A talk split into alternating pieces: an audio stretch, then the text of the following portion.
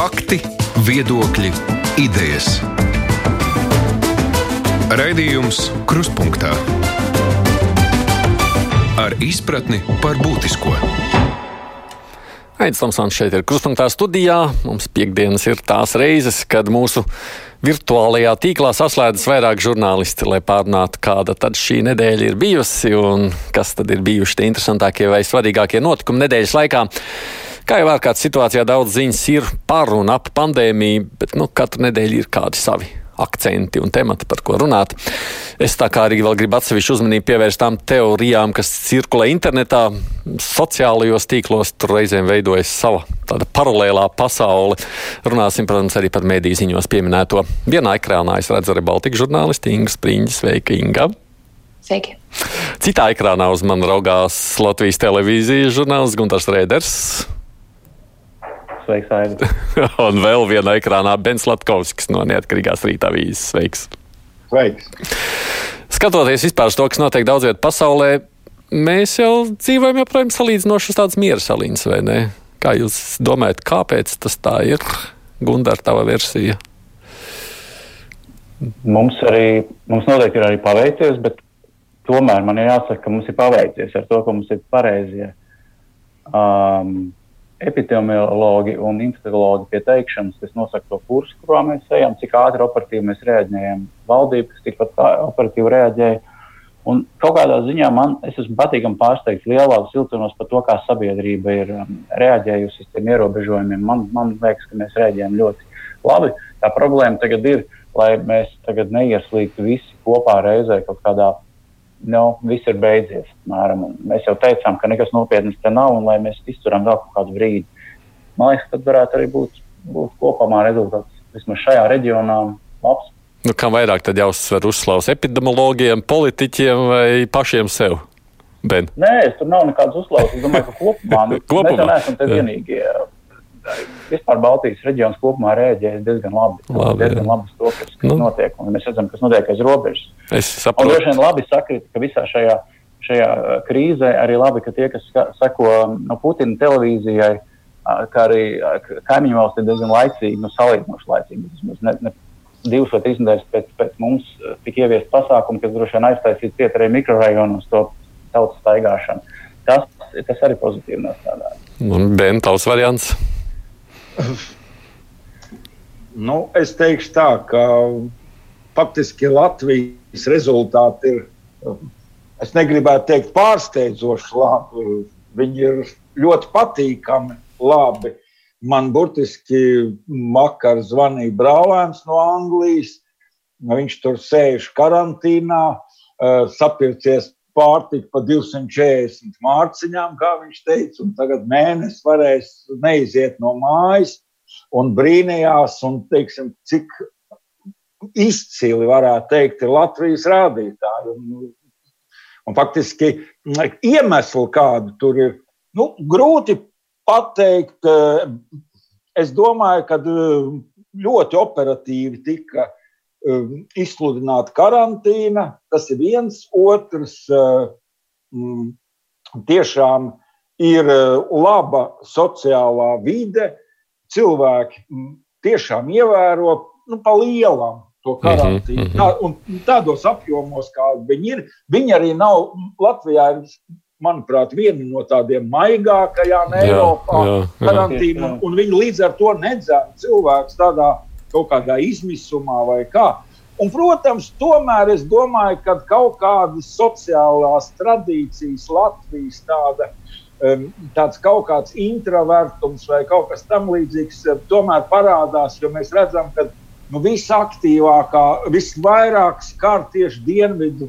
E, Dienvidu Eiropas valsts, kur ir tradīcija tomēr vairāk tā čupoties un tā.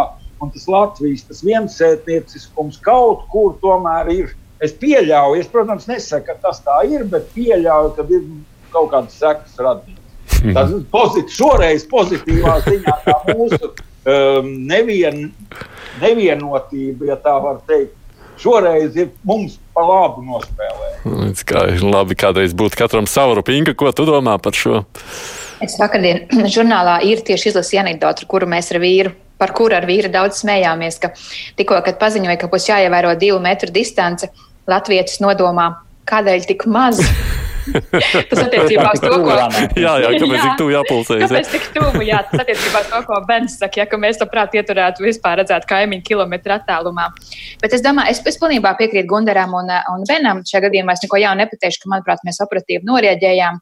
Mums ir pareizie cilvēki. Es šobrīd nepievienojos kritizētājiem veselības ministrijai vai kā. Man, es domāju, ka Uga Dumpis un, un, un, un valdībā strādājušie cilvēki ir līdz šim rīkojušies saskaņā ar to, kā vajadzēja darīt no tās informācijas, kas bija pieejama.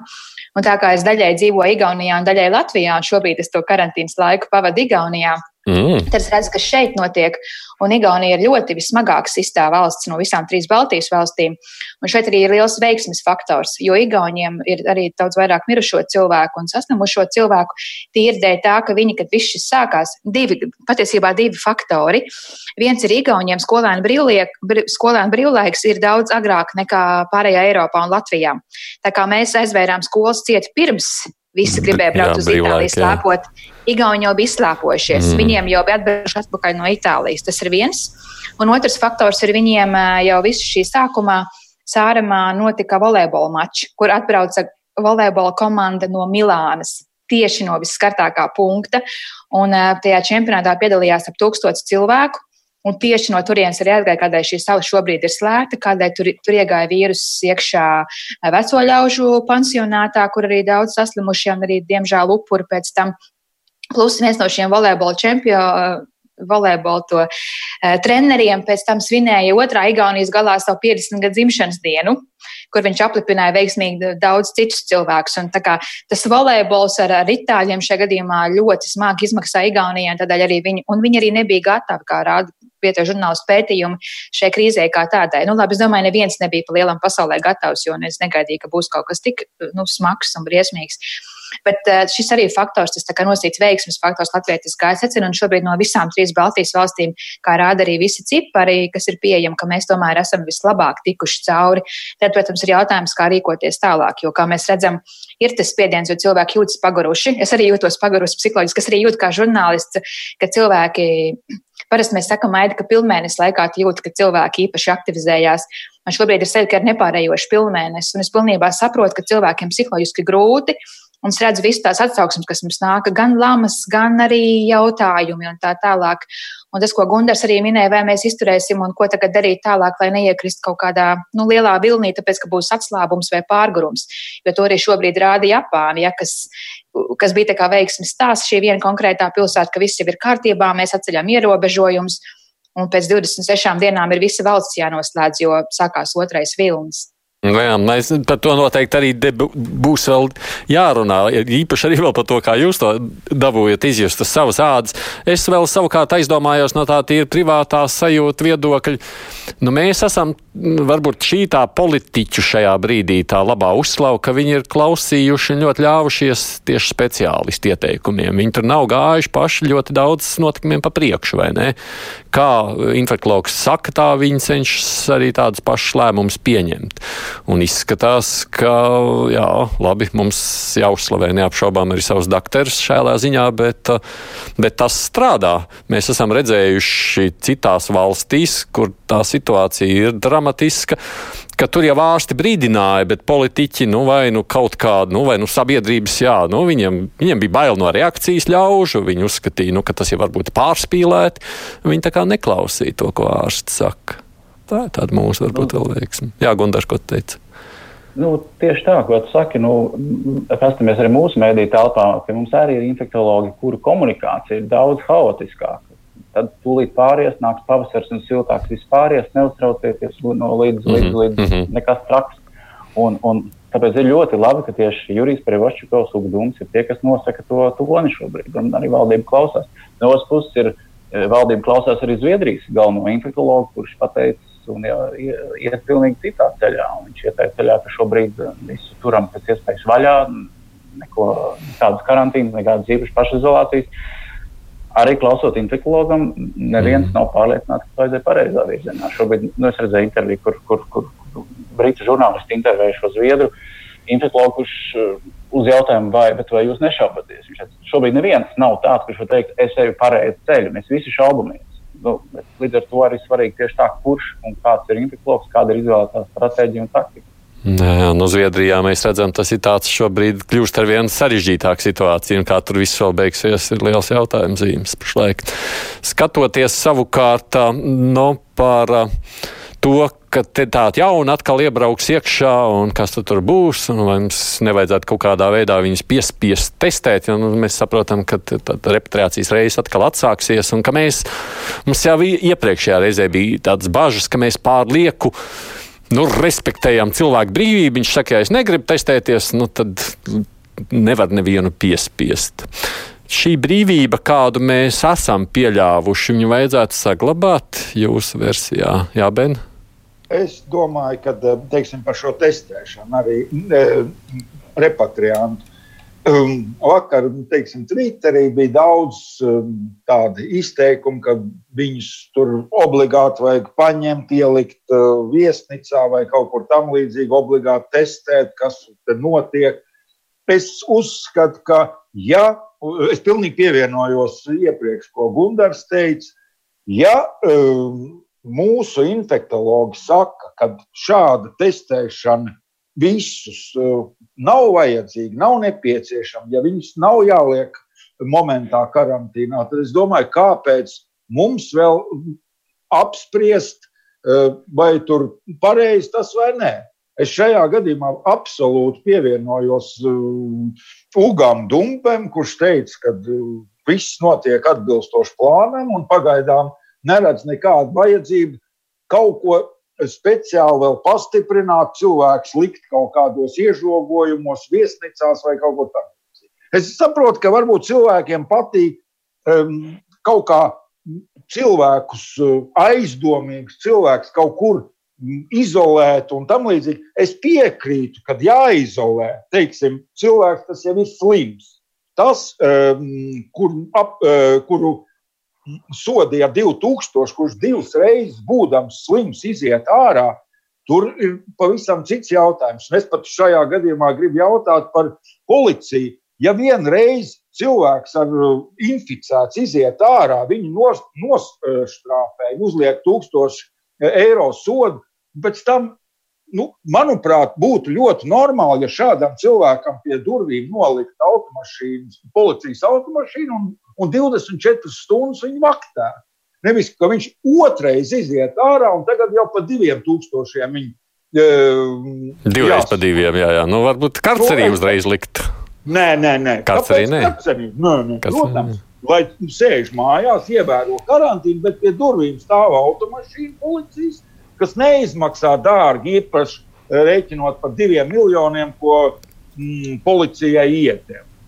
Nu, vienīgais cerībā, ka viņš atpelnīs tos divus, to, to, to policijas mašīnu samaksājot ar savu sodu. to, viņš, cik cilvēks viņš var apkalpot. Nu, tas gan taisnība, tur jau ir tā lieta. Nu, te par, viņa to, par tiem tūkstošiem šobrīd neiet runa, vai viņš tur atpelnīs vai neatpelnīs. Iet runa par to, ka cilvēks inficēts ar, ar, ar vīrusu staigā apkārt. Lūk, tā ir problēma. Cits jautājums, ka, teiksim, ja cilvēks ir atbraucis no ārzemēm, Nav jau nekur teikts, ka viņš ir. Teikt, nu, tur ir, manuprāt, pavisam cits uh, pozīcijas. Mm -hmm. Labi, ko pārējie divi kolēģi saka? Inga? Nē, es, es tādā ziņā piekrītu jau Uga Dumpis, un tā, kurš man šobrīd ir tiešām saka, ka nevajag. Jo, zināt, tas ir loģiski, jo no šobrīd tas, ko visi, protams, visu laiku mainās, nāk jauna pētījuma un pierādās jauna informācija par šo vīrusu, cik viņš ir lipīgs, kā pārvietojas un tā tālāk. Bet ja šobrīd tā informācija tomēr ir, ka, ka vidēji, ka tie simptomi var parādīties apmēram pēc tām piecām dienām nu, tomēr, protams, ir gadījumi, kad neparādās arī, kā mēs tagad jau zinām, bet, ja parādās pēc piecām dienām, un ja tajā brīdī, kad tas cilvēks ir iebraucis un viņam nav šo simptomu, tad uh, izsāsās tā varētu būt tāda naudas tērēšana veicot šos testus, jo tie mhm. testi neuzrādīs to. Tas, kas obligāti būtu jāievēro, ka tiešām šiem cilvēkiem ir jāizolējās, kas, manuprāt, ir, ko es arī saprotu, ka šie cilvēki tiek speciālos autobusos no lidostas nogādāti uz mājām vai uz konkrēto vietu, ka viņi nebrauc kopā ar visiem cilvēkiem autobusos sabiedriskajos apstākļos, vai ka viņus sagaida ar mašīnām. Tas būtu jāievēro, lai viņiem būtu potenciāli mazāk saskarsme ar citiem cilvēkiem. Un, cik saprotu, policija arī pēc tam kādās nākušajās dienās brauc un skatās, vai viņi tiešām ir vai nav savās izolācijas vietās. Tieši tā, jo man arī ir viens paziņš, kurš arī saslims, eh, bet viņš nebija ārzemēs, bet viņš jau iekšienē šeit inficējās. Un es saprotu, ka šajās lieldienās divas reizes bija policija piebraukusi pie mm. viņa mājas un lūgusi pienākt pie logiem. Tas, tas Rīgā notiek. Mm. Tā kā, es domāju, ja ievēro visus šos principus par to kontroli un kā var kontrolēt un uzraudzīt, tad uh, veikt šos testus, nu vismaz šobrīd no tā, ko mēs zinām, īsti nav jēgas. Tad varbūt labāk šo naudu un tos testus iztērēt uz cilvēkiem, kur jau ir simptomi un kuriem vajadzētu šās pārbaudas veikt. Tas būtu, manuprāt, daudz produktīvāk. Mm -hmm. Un ko darīt Gunār ar to, kas tur vazājas apkārt? Man nu patās um, atsūtīja īziņu viens saimnes opozīcijas deputāts, mm. kurš arī klausās, no. raksta, tas miera ostas um, rezultāts. Tas nav nekāds vienotības vai bijušās vienotības politiķu darbības rezultāts, bet tas, ka mums ir maz cilvēku valstī. Nu, tas reizēm Zariņkungam, Zariņkungs arī skatās. Jā, bet Igaunijā ir, es atvainojos, Igaunijā ir vēl mazāk, mazāk cilvēku, un šeit ir vēl vairāk saslimuši. jā, bet, bet, nu, tas ir tas arī arguments, jā, ka mēs esam reti un tādi. Es nezinu, bet es arī negribu piekrist. Es neesmu infekciologs, bet man liekas par to testēšanu, ka, ka nav vērts testēt, ja nav simptomu. Es saprotu, ka diezgan daudz ir tā saucamie asimptomātiskie gadījumi. Simptomu nav, bet tev uzrāda to, to, to mm -hmm. saslimšanu. Man liekas, ka ka tas solis, ka tagad saka, ka, ka nu, palielinās testēšanas jaudu Latvijā un iespējams kā proaktīvāk brauks, varbūt vairāk pa reģioniem vai vietām, kur būtu kāda koncentrācija. Un, un mēģinās vēl vairāk izķert tos iespējamos terētus, ka tas ir pareizs solis. Un, ja mēs ar to ļoti lielījāmies sākumā, ka mēs esam visvairāk testus izdarījuši Baltijā, un tas arī viens no iemesliem, pēc tam kaut kādā brīdī, kad divas, trīs nedēļas, divas nedēļas atpakaļ, gan Igaunijā, gan Lietuvā, tas tēmas sāk strauji kāpt uz augšu. Gan, Nu, es jau gan izmantotu droši vien, ja jā, es privāti droši vien, ja es ielidotu, nu, es tā sevi iztēlojos Latvijā, ja man piedāvāt veikt testu, zinot, ka man jebkurā gadījumā taču tā karantīna ir tās divas nedēļas. Nu, es taču viņu veiktu. Darīt, vai, ne? vai ne? Kāpēc? Lai viņi teiktu, nē, nē, nē, es personīgi domāju, ka es gribētu nē, teikt. Tas patīkams tas tests. Es nezinu, tur kaut kā tādu. Nu jā, mutē kaut ko bāž un degunā vai ne? Tas. Jā. nu nezinu. ko tik mēs nevācam? Ja mēs šo nevaram paciest, tad pie zobās Protams, vispār nevajag iet nekad. Nē, mums šodien tieši Facebook raidījumā ir uh, intervija ar ārstu, kurš veids šos testus jā. nu, ar mediķi. Jā. Un viņi saka, ka viņi arī paši sevi ir veikuši. Nu, tā kā viņi ikdienā nu, ir saskarsmē lielāku risku grupu Viņš saka, tas galīgi nav nekas patīkams. Kad cilvēki atvieglot uzalpo, ka nebūs asins jāņem no vēnes, tad patiesībā viņi nezina, uz ko viņi parakstās. Bet nevajag sabiedēt cilvēku. Labi, jā, nē, nebiedējam viss. Jā, jā nu, nu, bet es tiešām domāju, nu, veselības jautājums, vai tu grasies slimot, vai tik daudz, ka, nu, kāda tikai tests nav punkcijas jātaisa un visādas, bet tu gribēji ko sacīt. Es gribēju piebilst pie Ivara Zariņa replika par vienotību, bet atbilstoši Ivar Zariņam uzstādījumam jau pie tā, ka Latvijā tik maz cilvēku ir tieši vainīgi vienotība. Tā tad tomēr ir jāsaka, pēc šīs loģikas, paldies vienotībai, kad mums ir tik maz cilvēku un tik maz saslimušo. Labi, melnā humors, jā, tam līdzīgi. Bet te, es lasu vienu vēstulīti, ko klausītājs, klausītāja mums raksta, sakot par to, ka mums ir viss tā situācija laba.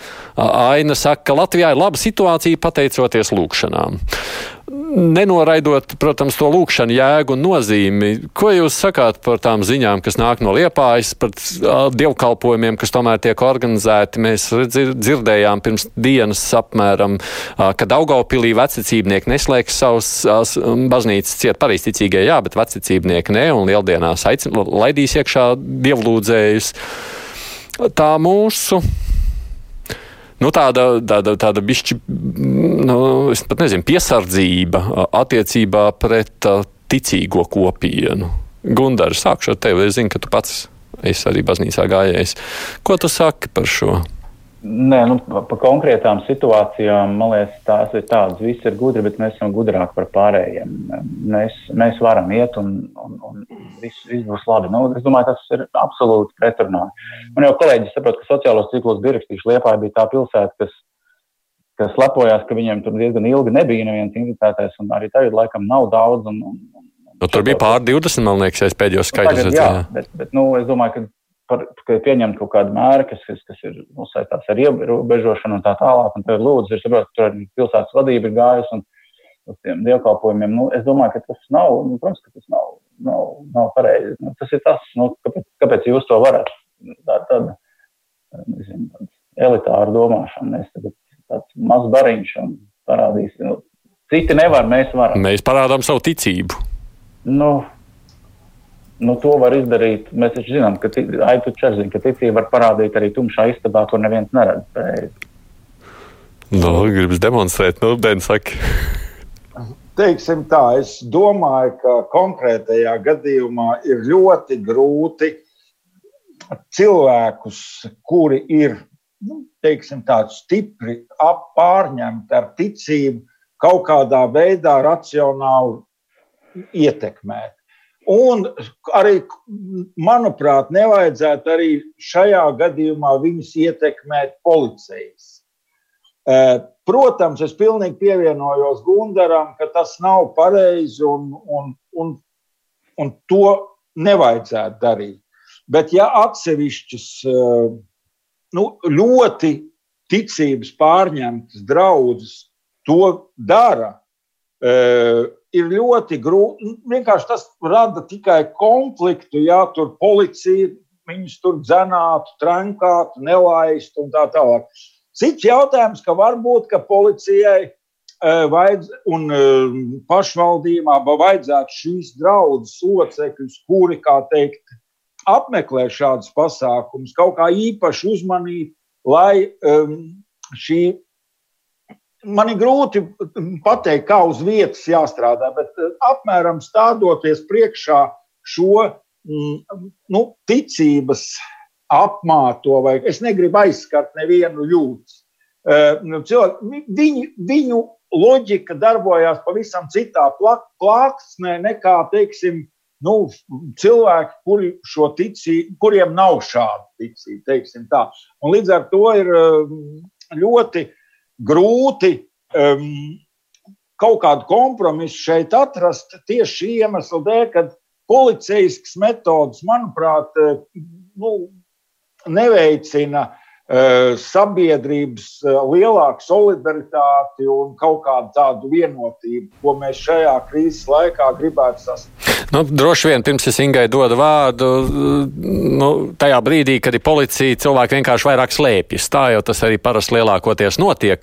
Lai gan mēs redzējām Dienvidkorejā, kur viss sākās no vienas baznīcas, un tur viss, tur beigās ne tikai policija iesaistījās, tur bija visa pilsēta nikna uz tiem ticīgajiem, kas uz to vienu konkrēto draudzi, kas tur bija izplatījusi to vīrusu pilsētā. Inga, ko tu domā par šo? Es arī tieši iedomājos par Dienvidkoreju, kur tiešām sākās uzplaiksnījums tieši no tā, ka šie, nu, tur bija sekti, ja, kas bija sanākusi kopā un kur inficējās simtiem cilvēku, manuprāt, jā, tieši jā, no tā. Jā, jā. Šajā gadījumā es, es, es neuzskatu, ka šī ka baznīca ejoši cilvēki vai ticīgie cilvēki būtu kaut kā īpašāki par pārējiem cilvēkiem.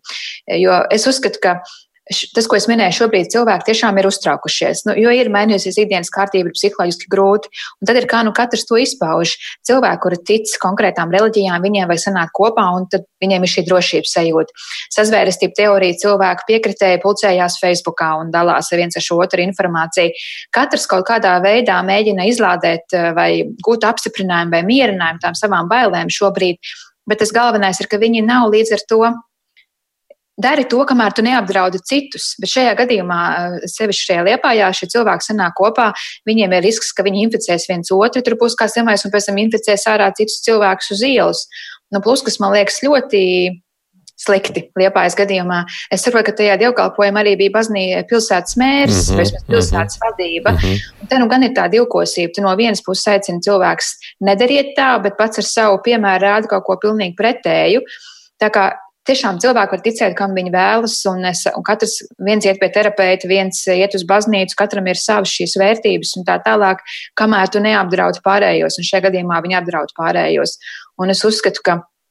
Uh, jā, ja nevar savādāk, tad beigās ir jāiesaista policija, jo nu, es neredzu, kādas kompromisus vēl šeit var. Ja, ja šiem cilvēkiem psiholoģiski grūti katram par sevi, ok, var nodrošināt varbūt kaut kādas psiholoģisku palīdzību, distancēt vai vēl kaut kā, lai viņi var runāt, bet es piekrītu, kā Gundars teica, viņi nestāv pāri vai nav kaut kādā veidā elitārāka grupa nekā pārējā sabiedrība. Mēs visi kaut ko upurējam, visi kaut ko ziedojam, katrs kaut kam ticam, kaut kādām kam nu katrs, bet katram ir savs mierinājuma avots. Un šajā gadījumā viņi uzskata, nu, Nora parāda, ka viņi kaut kādā ziņā pārāk par mums pārējiem. Tas jautājums par to, kur vispār ir tā robeža, kad vajadzētu iesaistīties nu, piespiedu kārtā, ir tas jautājums aktuālais. Nu, Bens jau pieminēja arī šo cilvēku, kuršām jau divreiz uzlikts tie 2000. Kur ir tā robeža, nu, cik tālu mēs apelējam un kurā brīdī mēs tomēr sakām, nē, nu šeit piedodiet, vai nu policija, vai sots, vai varbūt vēl kaut kā stingrāk jāiejaucas. Kur jūs... Nē, nu, es domāju, tas ir skaidrs. Ja, ja tiešām ja, ja ir risks, ka šis konkrētais cilvēks ar savu rīcību apdraud pārējos, tad tu vari iejaucies. Tu nevari vienkārši atsauties uz cilvēktiesību brīvībām, uz vārdu brīvību, demokrātiju un vēl kaut ko, ja tas apdraud kaut kādu lielu daļu sabiedrības ar savu rīcību. Un tad tas soda vai iejaukšanās mēs atkarīgs no tā, cik paklausīgs vai nepaklausīgs ir konkrētais cilvēks. Attiecībā no tā, ko Bens minēja, es nedomāju, ka būtu jāliek policijas mašīna. Tas maksā ļoti dārgi, ņemot vērā, ka mums trūks policisti, kuriem būtu jābrauc. Muļķīgi vienam likt katram sargāt savu policistu. Tieši tā. Es domāju, ka viņi būtu tiešām bezmaz vai jāaiztur un jāieliek tajā karcerī. Nu, tas ir šausmīgi izklausās. Nu jā, bet, jā, nu, jau cilvēks nevar. nesaprot. Tu, tu neliks katram auklīt klāt, kurš viņu uzraug, ja tu tiešām nesaproti, ko tas nozīmē. Un, un naudas sots nepalīdz. Var jau tā kā ir kaut kādas valsts, kur mēs dzirdam, tur publiski nopēr vai, vai Indijā liek 500 reizes rakstīt uz lapiņas, es atvainojos. Jā. Mm. Es nedomāju, ka tas palīdzētu šajā gadījumā. Ilona saka, viņi nesaprot, kāpēc to puisi, kas iziet no mājas divreiz soda 4000, bet tos baznīcā gājējus nekādā veidā nesoda. Nu, šī tā atšķirība, protams, ka tas puisis jau ir inficēts. Tur ir tā lielā neapšaubāma starpība. Viņš, vi, mēs jau zinām, ka viņš ir infekcijas pārnēsētājs. Nu, tie baznīcēni šobrīd jādomā, ka cerams. Ka nē, bet, nu, tā. Kur tu redz, Gundar, to robežu starp, starp labprātīgo pakļaušanos un kādu sodu? Man liekas, ka kolēģi jau pateica, liel, lielos vilcienos visu. Jā, jo daudzās valstīs šī ir ārkārtas situācija, ir ārkārtas soda mēri, bargāki naudas sodi. Iespējams, ka jāliek arī izolatorā, ja nesaprot ar otro, trešo reizi. Nu, kāpēc nē? Mm. Un, un, un, un ir skaidrs, ka karantīnā jāievēro tas, izolācija ir tāda, pūtēšanās aizliegumi tādi un tādi, kas tos neievēro. Nu, kaut kādiem soda mēriem jābūt loģiski. Un, protams, ka viņi, tu nevari katram pielikt kaut kādu izvēles kārtībā. Man liekas, ka Ja tas ir tā, ko mēs dzirdam publiskā telpā, ka policija brauc, piemēram, pārbaudīt, brauc vismaz tos, kas ir atgriezušies, vai viņi sēž tās 14 dienas mājās. Mm. Un, jā, bija signāli, jā, ka cilvēki arī rakstīja sociālos tīklus, pie manis bija negaidīta, bet esmu, viņš bija patīkami pārsteigts, jo es tiešām ievēroju, un policija ir tāda. Ja tas tiešām tā regulāri un, un, un kādā izlases veidā visas Latvijas teritorijā notiek, vai, tad, tad es domāju, ka tas ir pietiekami labi. Mm. Nu, kādas tur vēl robežas? Nu, Mēs esam, nu, to jau arī kolēģi teica, ir Bens teica, mēs esam ļoti, manuprāt, labā režīmā iegājuši kā valsts, ne, ne drastiski, ne dramatiski vai strikti nosacījumi. Tu vari aiziet uz veikalu, tu vari darīt to, ko daudzās valstīs nevar darīt. Nu, es tik laipni ievēroju, tas nav daudz prasīts no tevis. Ievēro distanci, tas īstenībā ir ļoti, ļoti, ļoti maigi ierobežojumi, kas ir jāievēro. Mm. Atgādinu, tātad mēs runājam par nedēļas aktualitātēm. Šeit trīs vēl kolēģi bez manis ir pieslēgušies mūsu krustpunktā ēteram. Tā ir Baltika žurnālists Inga Spriņģe, Vēns Latkovskis no Neatkarīgās rītavīs un Latvijas televīzijas žurnālists Gundars Rieders. Raidījums Krustpunktā. Nu, reiz Inga, es nevaru nepajautāt. Nu, es domāju, ka mums, man vispār tas šķiet tāds interesants, aktuāls jautājums. Tu esi, man liekas, viena no tām, kas visvairāk ir iesaistīta tajā dezinformācijas kampaņā, kas ir vērojama ļoti aktīvi pēdējā laikā sociālajos tīklos. Un es jau reklamējot pie atsaucos uz ANO ģenerālsekretāru, kurš saka, ka tā ir vēl viena epidēmija, kas šobrīd pārņēmusi pasaules sociālos tīklus, runājot par šo te, nu jā, nosaucot viņu par vēl viena pandēmija, tikai dezinformācijas pandēmija, kurai vajag stāvēt pretī. Kāpēc vispār, tavuprāt, viņi tik ļoti aktīvi šobrīd risinās, ja notiek? Es domāju, tas ir tas, ko es nedaudz arī pieminēju iepriekš, ka cilvēki ir ļoti nu, uztraukti, ir nobijušies. Es arī ko psihologs saka, mēs jutīsim šīs sekas arī, ka parādīsies psihiskas slimības un sācinājumi un tā tālāk. Un cilvēkiem ļoti gribas skaidrību, jo visvairāk tieši mūs uztrauc neziņa. Ja mēs zinātu, ka šie karantīni būtu jāietur vai šis uh, valsts ārkārtas stāvoklis uz mēnesi, visi pacieš uz mēnesi, bet šobrīd tā neziņa ir tik liela, ka mēs nezinām, cik ilgi tas būs, kādi būs šie ierobežojumi, eh, kā šī slimība izpaužās, kā infekcija izplatās. Un tad cilvēki meklē kaut kādus mierinājumus vai kaut kādu skaidrību vai nosacītu skaidrību savā dzīvē. Viens ir, tu gribi iet uz baznīcu, lūgt kopā ar citiem cilvēkiem, jo tu tam tici, tev paliek psiholoģiski vieglāk. Citi varbūt meklē psihologu, citi iet un lamājās sociālajos tīklos, un tad es domāju, ir šī viena cilvēku grupa, kas sāk meklēt kaut kādus izskaidrojumus attiecīgi tam, kā viņi domā. Un tas ir rezultāts, kādēļ uzplauk šīs sazvērestības teorijas. Un tagad tiek pievilkti nu, viss brīnumainākās eh, teorijas, kādas vien ir iespējams. Un kopumā mēs redzam, ka ir divu veidu teoriju bloki, ja tā varētu teikt. Pirmais vilnis, kas bija ļoti daudz, bija tieši kā ārstēt uh, šo konkrēto slimību. Nu, sākot ar to, ka ir jādzer regulāri pa 15 minūtēm silts ūdens, jo vīruss te uzkrājas kaklā, lai viņš nenonāktu vēderā, tāpēc jādzer šis ūdens, vai visi jāēda ķiploki un uh, ingvers, kas tika izpirkti veikalā un tā tālāk. Tas bija ļoti liels vilnis, ko mēs arī redzam, jo mēs esam tādā lielā faktu pārbaudītāju tīklā, kur ir kaut kādas 50 valstis kopā. Mums ir kopēja datubāze, kur visi liek tās savas pārbaudītās ziņas. Mēs neesam unikāli.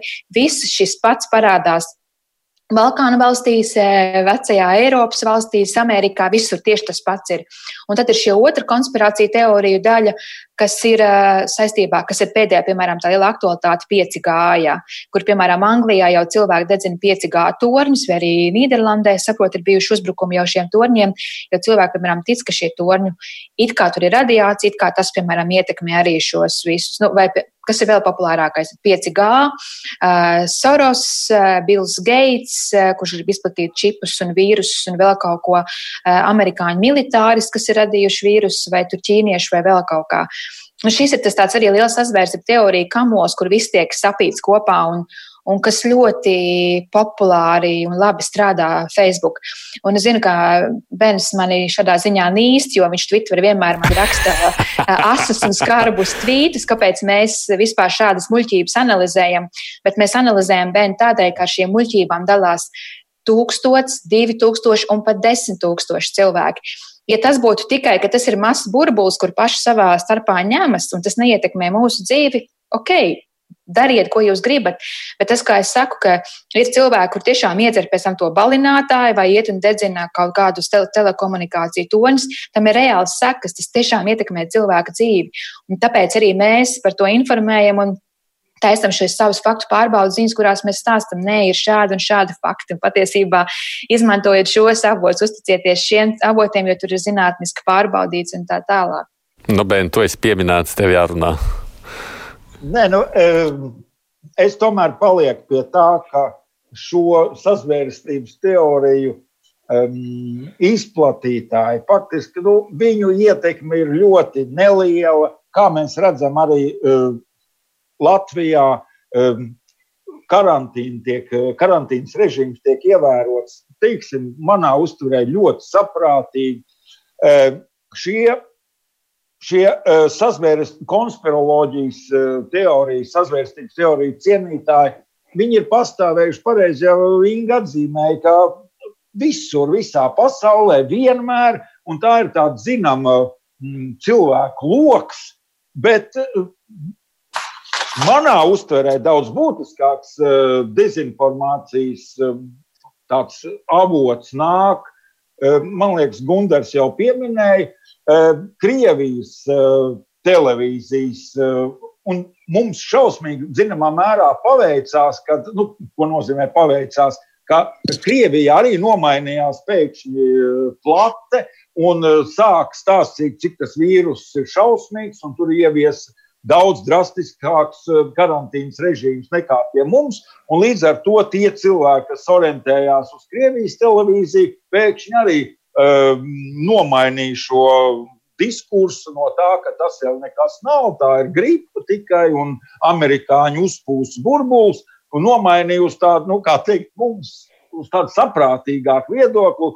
Un līdz ar to neveidojās kaut kāds tāds um, um, informatīvais pārāvums uz nacionālā, nu, teiksim, uz valodas mhm. bāzes. Mm -hmm. Un um, šai ziņā, kas attiecās uz tiem, nu, tiem dīvainiem, meža dīvainīšiem, kurus personiski es arī esmu Facebookā, bet, nu, godīgi runājot, es viņus vispār neredzu. Es esmu ievērojis tur dažus tādus. Tu esi varbūt izmetis no sava burbuļa ārā, bet tas, es, protams, atļaujos, es diezgan apzināti uzturu savā, bet man liekas, tas ir būtiski, lai būtu dažādība manā tajā sekotāju pulkā.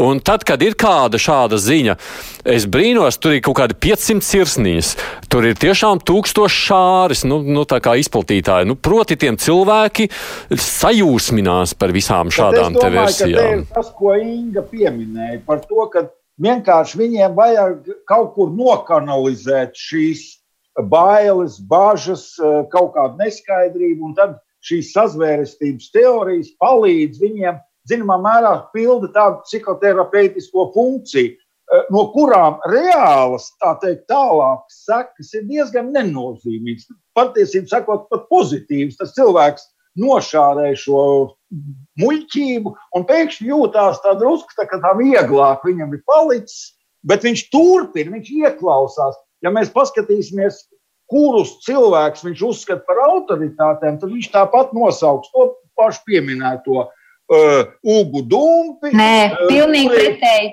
Pagaidiet, pagaidiet, es pabeigšu līdz galam, un tad jūs varēsiet turpināt. Tātad Jurija Perevošķiko un Ingu Viņa. Un, bet ja es pateikšu Inga, bet jā, ja, jā.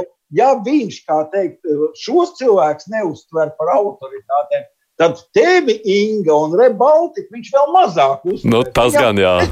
Tu būtībā strādā uz to uh, elektorātu, jeb to lasītāju, kas tāpat jau šīm pasakām netic. A, savukārt tie, kas tic tām pasakām, tiem Ah, nu jā, nu pareizi. Rebaltika un Inga jau arī ir tajā sazvērestībā. Viņas jau apmaksā um, Soros, Bills Gates vai vēl, vai vēl, vēl, vēl nezinu, vēl. Aivars Lembergs, Aivars Lembergs un Kremlis. Lembergs jau sen vairs nevienu nefinansē. Nu, bet to viņi tā nevar. Nu jā, jā, nu labi, Inga saki. Pirmkārt, es, es pa maziem punktiņiem, bet es mēģināšu tā raiti iziet cauri. Bens minēja, ka sazvērstību teorija piekritēji bijuši vienmēr taisnība, bet nevienmēr ir bijuši sociālie tīkli. Līdz ar to vienmēr šie cilvēki ir bijuši, viņiem nebija liela platforma, kur sasniegt ar to savu vēstījumu. Šobrīd ir Facebook, ir Twitter, šiem cilvēkiem ir iespēja sasniegt ļoti daudz uh, lielu auditoriju. Otrakārt, uh, nav šiem cilvēkiem autoritāte Uga Dumpis, Perevoščikovs vai, vai Ilze Viņķela vai vēl kaut kā. Tas ir pilnīgi pretēji. Viņi tic kaut kā kādiem nezināmiem zinātniekiem. Tikko pēdējais kaut kāds vācu zinātnieks un vēl kaut kā, kas tas ir piln, pilnīgi un galīgi viņiem nav autoritātes, jo, jo viss, kas ir saistīts ar valdību, tie visi slēpj informāciju, viņi visi ir nopirkti, viņi grib mūs nozombēt un tā tālāk. Tur a priori jau. Taču parādījās vienbrīd bija Vilnis Kuga Dumpis ir sorosīts, jo viņš pirms tur desmit gadiem ir studējis uh, Oksfordā vai kur tur bija. Un tas arī, tas arī bija. Jā, tas nebija Knops Roberts, tas bija Roberts Klimovičs, tas bija Roberts Klimovičs. Tas bija Roberts Klimovičs, kurš piedalījās arī TV24 diskusijā un arī par šo ļoti publiski visur stāstīja, par ko arī man bija saraksts ar Aivi Ceriņu personiski, vai tiešām ir jādod platforma šiem cilvēkiem. Autoritāte. Un uh, nākamais ir par to, ka, protams, ka es neesmu šiem cilvēkiem autoritāte, un man arī nekad nav tāds mērķis. Kam tad ir autoritāte? ir kādiem tiem, tiem tūkstošiem, kas šēro viņa ierakstus un viņa videos un atlaid. Viņu darbībā nekur neparādās. Saproties, ja cilvēks... Rob, es pateikšu, tagad, tagad Ben ļauj man lūdzu papēt. Roberts Klimovičs ir kopā ar visiem saimnes atlaidējiem. Tu pats redzēji, cik viņi daudz savāc parakstus. Tā kā nesaka, ka viņiem nav ietekme. Uh, vēl par ietekmi runājot, ļoti liels piemērs ir vakcinētāji kas ir tieši šāda pašsvērestība teorija piekritēji, cik mums bērni pagājušajā gadā nomira, jo nebija novakcinēti. Tas ir vistiešākais un reālākais piemērs, ka šiem cilvēkiem ir ietekme. Tad par to autoritāti un mūsu darbu ietekmi. Protams, mūsu auditorija pamatā nav šie cilvēki, kur tam tic, jo viņi ir tiešām radikāli ticētāji, viņus nekas arī nepārliecinās. Mūsu autorija, kam mēs taisam šo faktus, ir tie cilvēki, kur ir par vidu, nu, kuriem nav informācija, un mēs viņiem piegādājam šo informāciju, tad viņi var paši izvērtēt. Un tas, ko šobrīd mēs esam arī kļuvuši par Facebook faktu pārbaudītājiem, kas nozīmē, ka pirmkārt mēs necenzējam, mēs neņemam nost nevienu ierakstu, mums nav tādas tiesības, bet mēs pie šiem dīvainajiem Facebook ierakstiem viņiem parādās atzīme, redz, kur ir Baltika faktu pārbaudījums. Un tas, ko vakardien izplatīja Facebook, ka kopumā nu, šis viss lielais tīkls, ko viņi redz, ka cilvēki, kuri redz šīs atzīmes, 95% vairs neuzspiež uz to viltus ziņu. Viņi varbūt izlasa to faktu. Neuzspiež laiku. Pat nē, viņi pat nelaik, jo tā ir. Viņi pat tā, nevar vaļā to ziņu vairs. Ja? Viņi, viņi mm, nevar vairs mm, vaļā okay. to melīgo ziņu. Okay. Un tā ir tā lielākā plus arī, tur, tur šī atzīme arī algoritms parāda mazāk cilvēkiem. Tā kā tā arī ir vēl viena ietekme, kur, kur ir reālā tā ietekme, kur tas notiek. Un par to es domāju, tāpēc arī ja mēs esam ļoti daudz pēdējās nedēļas izpelnījušies lielu pēdiņās mīlestību no šo sazvērestību teoriju piekritējiem un uzmanību un uzbrukums, kas mums notiek, jo viņi redz, ka viņu tam darbam nav vairs tāda ietekme, ka tur nav tik, tik liela tā auditorija. Tā kā, protams, mēs, mēs neizmainīsim, tāpēc šo cilvēku skaits tur pēkšņi radikāli nesamazināsies, bet mēs varam parādīt tiešām tur kāds. Labākais piemērs ir tiešām šie paši vakcinētāji, ja, ka tomēr tu padomā, vai tu redz, kādas tam varētu būt sekas, ja, ja tu, tu nevakcinēsi. Vai vēl viens, piemēram, klasisks piemērs, viens arī no tādiem mītiem, kas ļoti aizgāja, ka pret covid palīdz paaugstināt C vitamīnu deva. Un vakardienas skatījums Igaunijas sabiedriskajā televīzijā ziņas tajā mazajā sāremā slimnīcā, kur ir tas uzliesmojums, šobrīd ārstē cilvēks ar paaugstinātu C vitamīnu devu oficiāli slimnīcā ko Tallinas galvenā slimnīca ārsts komentē, un tikpat labi arī pilnmēnesis var ārstēt, jo nav pierādījumu, ka C vitamīns patiešām zinātnisku pierādījumu, ka tas samazinātu šo covid ietekmi. Bet šis ir vēl viens reāls pierādījums, kā šīs ziņas aiziet, un šajā gadījumā pat reāli slimnīca izmanto šo praksi. Vai es arī zinu konkrētus ārstus, bet es neminēšu vārdā, ja tas nāk no manas draugu puses, par tām pašām antibiotikām, kas arī parādījās, kur no Francijas nāca ziņas, ka ir konkrēts antibiotikas, kas palīdz, kur arī pēc tam pierādījās, ka tas ir pētījums bija uz, uz ļoti mazu cilvēku grupu, un tur nevarēja zināt, cik daudz bija tieši no antibiotikām ietekmi tām konkrētajām, un cik daudz no citām zālēm, kas tika izmantotas, bet kuras arī jau šeit, piemēram, ārsti privāti iesaka saviem radiniekiem, draugiem un tā tālāk. Un šī ir tā reālākā ietekme, tāpēc, ka Tāpēc nevar teikt, ka uh, tiem sazvērstību teorija vai vēl kaut kādiem piekritējiem nav ietekme. Nav ietekme, labi. Tas, Tik tālu skaidrs. Ja mēs neredzam, nenozīmē, jā, ka, ka viņas nav. nav. Gundar, tu uzmanīgi noklausījies šo dialogu. Ļoti interesanti. Es varu tik papildināt. Um, uh, koronavīrusa pandēmija radās, um, viss tas perēklis ir Uhaņas, uh, Ķīnā, Uhaņas laboratorijā, kur zinātnieki veica eksperimentu ar sikspārņiem. Un šī, šo eksperimentu rezultātā noplūda, šis vīrus noplūda caur, caur tirgu vai ne caur tirgu pasaulē, un tas viss ir mākslīgi radīts. Tā ir viltus ziņa vai nav? Es nezinu, bet šobrīd pēdējās dienās to nodarbojas Fox News, kas ir viens no lielākajiem ASV. Jā, Amer Amer Amerikā šis ir šobrīd aktuāls temats. Un ko tu no šī gribi pateikt? Es gribu pateikt, ka tu, ja mēs runājam par viltus, neviltus ziņām un to, ka tā nav ietekme, tur ir milzīga ietekme varbūt, un ir milzīgi kanāli, kas to labprāt tiražējas. Šobrīd nevar, nu, mēs nevaram pateikt par šo konkrēto.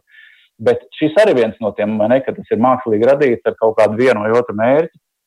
Tas nav tikai viens, tas ir ne tikai Facebook, tas jau ir lieli komerces kanāli, kas, un tur nav visa valdības likta, tur bieži vien Trumps ir ļoti labs, viņš cīnās par mums. Putins dažreiz ļoti labs, viņš arī cīnās par mums pret tiem vispasaules sazvērniekiem un, un sarosistiem. Tā kā, nu, faktu pārbaudē, protams, ir jābūt pilnīgi obligāti. Un, bet, un tam, tam ir jābūt tādam higiēnas procesam, nemitīgi. Bet, nu, Inga, jūs neapšaubām, es pats uh, lasu nevienu vienu kārtējo publicējumu latviski jāsaka tagad tā, kurā nu, nu, jūs tiekat līdzināti līdz ar zemi. Kā tu pati to uztver, ir privāti vai personiski? Un... Nē, nu, kā, es to saņemu visu, tāpēc, ka es esmu seja. Patiesībā es ļoti maz reāli pats pārbaudu faktus, es vispār nepārbaudu, bet es arī e, uzņemos, lai, lai citu mani, jo mani arī zinu, es esmu daļai arī uzaudzējusi ādu. Un, bet mums ir reāla komanda aizmugurē, es zinu pēc faktiem, kā viņi pārbauda. Mēs sazināmies ar starptautiskiem kolēģiem. Mēs redzam, kas notiek arī apkārt. Mēs neesam neesam vienīgie. Plus man ļoti arī patīk, ka tad arī Delfi ir piestākušies. Viņiem arī ir tiesība, viņi arī ir Facebook faktu pārbaudītāji. Tā kā tagad droši vien sitīs arī Jā. viņus. Tas, Mēs nebūsim vairs vienīgie. Tas ir nesen kaut kāds jaunākā, jaunums, kāds salīdzinoši nesen ziņa. Viņi šodien, man liekas, nopublicēja wow. ziņu. Mm. Es neesmu vēl Vārds. pamanījis. Jā.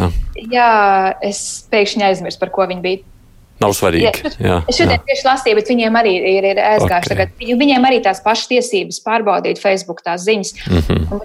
Tas, kā es teicu, mēs neko nevaram noņemt nost, viss paliek, tur nekāda cenzūra nav, joprojām ik viens var oriģinālo to ierakstu izlasīt. Bet ir nenormāls tas vilnis, tāpēc es arī teicu, ka mēs saņemam tik dīvaini. Nu, tiešām ir tāds nepārējošs pilnvērnis eh, visās tēmās, kur mēs šobrīd rakstam, jo cilvēku psihikas uh, ir sakairināts. Es, es, tiešām jūtu, ka ir kaut kāds tas Un es nezinu, ar ko tas arī varētu rezultēties. Man ir nedaudz bāžas par to, jo cilvēki ir emocionāli Nu ļoti jā. uzvilkti. Man no tām visām bažām, nu, daļa tur ir. Tu, Tu vari ticēt vai neticēt, vai ne, tam liela nozīme nav. Vai tu tici, viņš ir mākslīgi radīts vai nav mākslīgi. Tas tev, nu, tā ir tāda sajūta. Nu, tu dzer C vitamīnu, piedod, nu, nekas draņķīgs tur nekas nebūs. Tu varbūt var vienīgais, eh, nu, sev psiholoģiski mierināt, dabūt varbūt placebo efektu. Nu, C vitamīns noteikti varbūt palīdz kādās citās lietās. Nav, tas nav tas draņķīgākais. Tas, kas mani vairāk no visām šīm viltus ziņām, raizē ir tā milzīgā uzsāktā cīņa pret vakcināciju. Un mēs zinām, ka vakcīna jau tiek uzskatīta kā vienīgais reālais veids, kādā mēs varētu tā kā to pandēmiju apturēt. Bet paralēlie cīņa tikai nepieļausim vakcinēt. Kā, uz, kā lai šo saliek kopā ar ideju, tā kā uh, vakcinēt, nē, labāk mirstam? Kāpēc? Nu, kā lai š, palīdziet man saprast šīs domas jēgu? Nu, ben, tu vari man palīdzēt saprast. Man, es... Lai, es, lai, es pateikšu tā, es laikam, eh, es vispār uzskatu, ka es tā kā labi varu iejusties citādā, bet uh, konkrēti pirmām kārtām man ir ļoti maz iznācis saskarties ar antivakcīnu Kam, kampaņā. Jā, jā. ja es kaut kādīgi tiešām esmu savu to sociālo tīklu higiēnu tā uztaisījis, ka man ar viņiem būtībā es esmu dzirdējis, ka tāda pastāv. Es redzu, ka kaut kāda tur notiek. Uh, Kāds ir iemesls? Es pat godīgi runājot, nu, pat īsti nav. Es pat neesmu dzirdējis tādu pārliecinošu mm, teoriju, kāpēc tā vakcinācija ir slikta. Bet, nu, līdz ar to uzreiz tā pateikšu, tiešām nevar, Ne, nevar saprast. Varbūt nevar, nevis nevar saprast. Es pat godīgi runājot, Tur nebija tā, ka uh, ar rīta vakcīnu ie- ievada arī čipu katram. nē, respektīvi, nē, nē, nē, tas tas būtu nav. pārāk. Nē, nē, nē. Nē, man liekas, ka tur ir Man šis. liekas, ka tur ir daudz smalkāk. ka tur tā- Bills Gates izstrādā vakcīnu šobrīd, un reizē ar vakcīnu viņš ievadīs čipu. Visi tiks kontrolēti, visi tiks, uh, uh, saproti. Nu, Jā, mums ir ziņa par to. Mums ir, mums ir faktu. mums Inga, ir faktu Inga palīdzēs. Nu, saka Inga. Mums ir faktu pārbaudas ziņa par šo. Jā, tā šobrīd tā augstā, ja pēdējā teorija ir, ka kāpēc es, tas, nu, kā šie cilvēki domā, kāpēc vispār viņi ir pret vakcīnām, jo tas viss ir lielo farmācijas kompāniju radīts bizness. Ja? Viņi grib nopelnīt miljonus, tāpēc viņi izstāsta cilvēkiem, ka ir jāvakcinējās, jo patiesībā no tām vakcīnām nemirst. Šobrīd Covid sakarā tā ja pēdējā teorija ir, ka ar šo vakcīnu kopumā ievadīs cilvēkiem čipus, aiz tā stāv Bills Gates, un tad mūs visus varēs kontrolēt.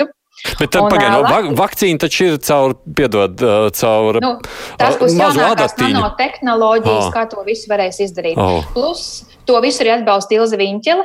Un zinu, no kā parādījās, ka Ilza Viņķele to atbalsta. Viņa bija Latvijas televīzijā, un viņa liekam, kā jokojoties, viņai prasīja par to, kā var izkontrolēt cilvēkus, kas neklausa.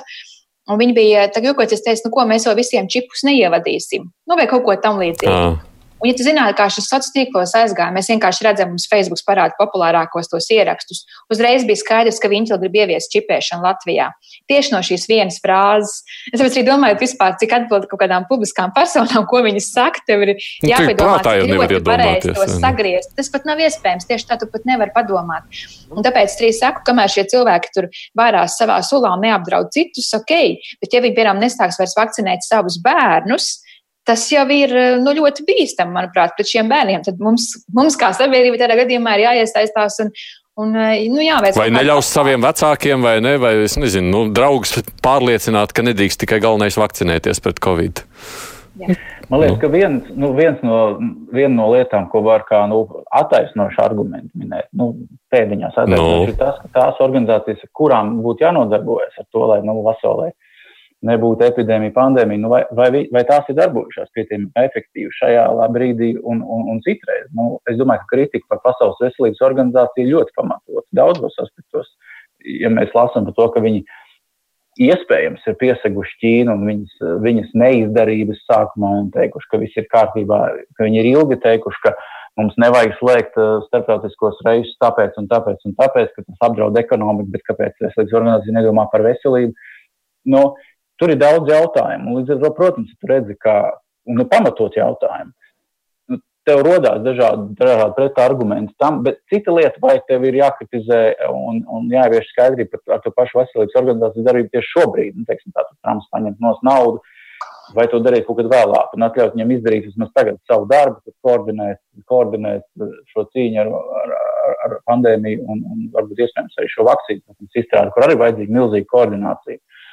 Nu, tas, tas var būt cilvēkiem, nu, to viņi arī redz, ka tās organizācijas bieži vien nestrādā pietiekami efektīvi, pārāk birokratizējušās un tā tālāk. Nu, man ir tikai divas minūtes līdz raidījuma beigām. Es jaunu tematu ar vairs neuzsākšu pāris minūtēs, tikai pabeidzot šo, lai nav jāieskrien kādā citā. Ir jēgas, vai kā var reaģēt uz šī ANO ģenerāla sekretāra aicinājumu kopā cīnīties pret šo? Nu, tas ir tas vienīgais veids, kā tā kā jūs darāt, Inga, cita nav. Tu domā, Nu, kā var cīnīties? Jā, jā. Nu, Gatērišs teica, ka visai pasaulē vajag apvienoties un cīnīties pret šo dezinformācijas pandēmiju, neļauties. Tai. Es domāju, ka tas ir, tas ir vienmēr bijis, dezinformācija ir vienmēr bijis komplekss pasākums. Viens ir tas, ko mēs, protams, kā žurnālisti un kā faktu pārbaudītāji varam darīt, pārbaudīt faktus un informēt. Tad nākamais ir, ko var darīt, piemēram, valsts iestādes, kuras eh, arī informē tāds kā uga dumpis, autoritātes un pieņem strateģiskus lēmumus, kā darīt. Tad ir valsts līmenī, ko var darīt. Uh, nu, es nezinu, tiešām krimināli sodīt kaut kāds cilvēks, kas izplatīs. Nu, jo, jo, piemēram, ja kāds nāks Facebookā un teiks, ka vajag dzert to balinātāju, jo Amerikā nomira cilvēks, jo viņš dzēra balinātāju. Jo, jo, jā, tieši tā ja tur ir chlors, jā, tad viņš arī reāli nomira no tā, ka dzēra balinātāji. Tādos gadījumos tiešām tur, pirmkārt, Facebook mums ir pateicis, cik šādus viņi momentāli dzēsīs. Nu, ja tu saka, dzer C vitamīnu vai ēd ķiplokus, ok, jā, e, tas, tas nav bīstami cilvēku mhm. veselībai, bet dzēra balinātāji viņi momentāli dzēsīs šādu ierakstu, mums ir jāpaziņo, vai arī policijai būtu jāarestē šādi cilvēki. Tas ir, pas, tas ir plašs kopums, un šis ir garlaicīgais temats mēdīņu pratība, ja, par kuru mēs esam runājuši daudz un runāsim nākamos gadus piecus. Vienkārši šobrīd šajos sāsinātajos konkrētajos apstākļos aktivizējas konkrētas ziņas, un tad ir arī jāpieņem konkrēti nu, mēri. Bet nu, mūsu tāda, kā Gunārs Bēns, mūsu rīcība, ja mūsu uzdevums ir tomēr par to runāt, vai ne? Nu, kaut kā, vai vismaz sniegt normālus faktus pretī. Tas jau arī notiek. Jā. Tas Jā. jau arī notiek. Teiksim, manuprāt, tādā au, ārpus so, sociālajā tīklu jau nav no tiem autoritatīvākajiem. Un, uh, es domāju, ka tādā solīdā plāksnē jau mm ir, nu, manuprāt, ļoti saprātīga pozīcija Latvijā. Un es, es, es godīgi runājot, neredzu vismaz tieši konkrēti šajā gadījumā lielus draudus Latvijai. Es mm. daudz vairāk redzu draudus, kas varētu nākt no Krievijas televīzijas, kurai tiešām ir milzu ietekme Latvijā. Jā, nu. Bet tad es gribētu ātri vēl piebilst, ļoti daudz konspirāciju teoriju piekritēji, no kurienes viņi ņem šo informāciju savām teorijām. Tā ir informācija Krievu valodā. Mm. Viņi nelasa angliski, tas, tas nav tur, nezinu, BBC. Ir ļoti iz, reti izņēmumi, kur nemāk viena daļa angliski. Jā. Tieši tā, viņi nemāk vienkārši, un šī informācija nāk no krieviski. Viņi pat nav tik daudz Facebook, tas ir YouTube, kur mēs, piemēram, vispār nenotiek nekāda satura kontrola. Un YouTube ir pilns ar šiem Krievu valodā dažādiem brīnumiem. Arī Baltika žurnālisti Inga Spriņģa. Riņģe, Bens Latovskis, neatkarīgā rīta avīze, Latvijas televīzijas kolēģis Gunārs Trēders. Paldies jums, ka pievienojaties šajā nedēļas nogalē pārnājot to, kas kā ir. Tajā ringā ir paldies. Dats saka, ka tas ir ļoti svētīgs darbs, un tāpēc no jums esot, jums esot mega. Paldies! Paldies Mums jāsaka, tiešām uzmanieties, sēdiet mājās. Pirmdien lielā intervija būs ar ko, vēl nezinu. Producentiem Junām studijā Aidis Tomsons. Fakti Viedokļi, idejas. Raidījums Krustpunktā ar izpratni par būtisko.